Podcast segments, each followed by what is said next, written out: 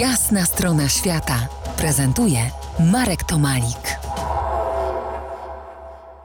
Rozmawiamy dziś o świadomej podróży z psiakami. Moim gościem pozostaje Magda Wilczewska, autorka bloga dzikość w sercu.pl. Nazwa wzięła się po mojej pierwszej e, wędrówce, tak ją wymyśliłam po pierwszej wędrówce. No to może dzikość też jest y, w sierści. Opowiedz nam o sierści w podróży. O sierści w podróży? A co masz na myśli? To zapytam inaczej. A używasz y, śpiwora dla, dla psa? E, Nie, nie używam śpiwora dla psa. To znaczy, mam e, taki kocyk, który czasem biorę ze względu na to, że mam starszego psa, seniorkę, i czy ona czasem potrzebuje dodatkowego dogrzania. Jeśli nie w nocy, to na postojach po prostu. Moje psy albo śpią poza śpiworem, jeśli tolerują niskie temperatury, jeśli nie tolerują, albo jest na tyle zimno, że potrzebują pomocy w uzyskaniu tego komfortu termicznego, to wciągam je do swojego śpiwora. I specjalnie kupiłam większy, żeby mieć więcej miejsca. Czyli sierść mają jako taką, tak to podsumujmy. A powiedz, czy frustracja człowieka może przejść na psa i odwrotnie?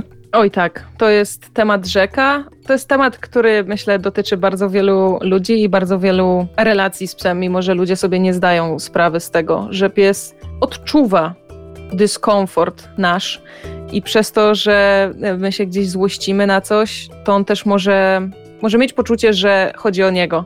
On nie rozumie, że stresujemy się na przykład tym, że mamy egzamin dzisiaj, albo to był jakiś stresujący dzień w pracy. On wyczuwa po prostu ten niepokój i takie sygnały uspokajające, powiedzmy, które nieświadomie e, wysyłamy i sygnały świadczące o naszej nerwowości.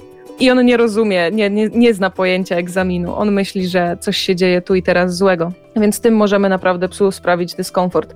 To jest też rzecz, której ja się nauczyłam od e, Krakersa, ponieważ Phoebe, e, czyli mój poprzedni pies, jest emocjonalnie obojętny, bym powiedziała, neutralny, ale Krakers e, jest psem bardzo emocjonalnym, który ma taką bardzo dużą skalę tej, powiedzmy, ja to tak nazywam emocjonalnością, ale to też jest takie ludzkie, ludzki skrót myślowy.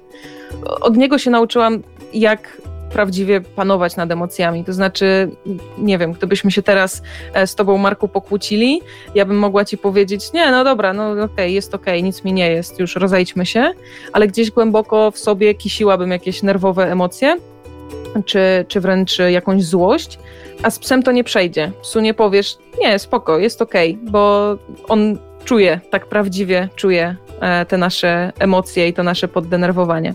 No to jeśli ktoś nas słucha, nie podróżował jeszcze z psem, a chciałby spróbować, to za kilkanaście minut dowiemy się, od czego zacząć i jak sobie to zorganizować. Zostańcie z nami. To jest jasna strona świata w RMS Classic.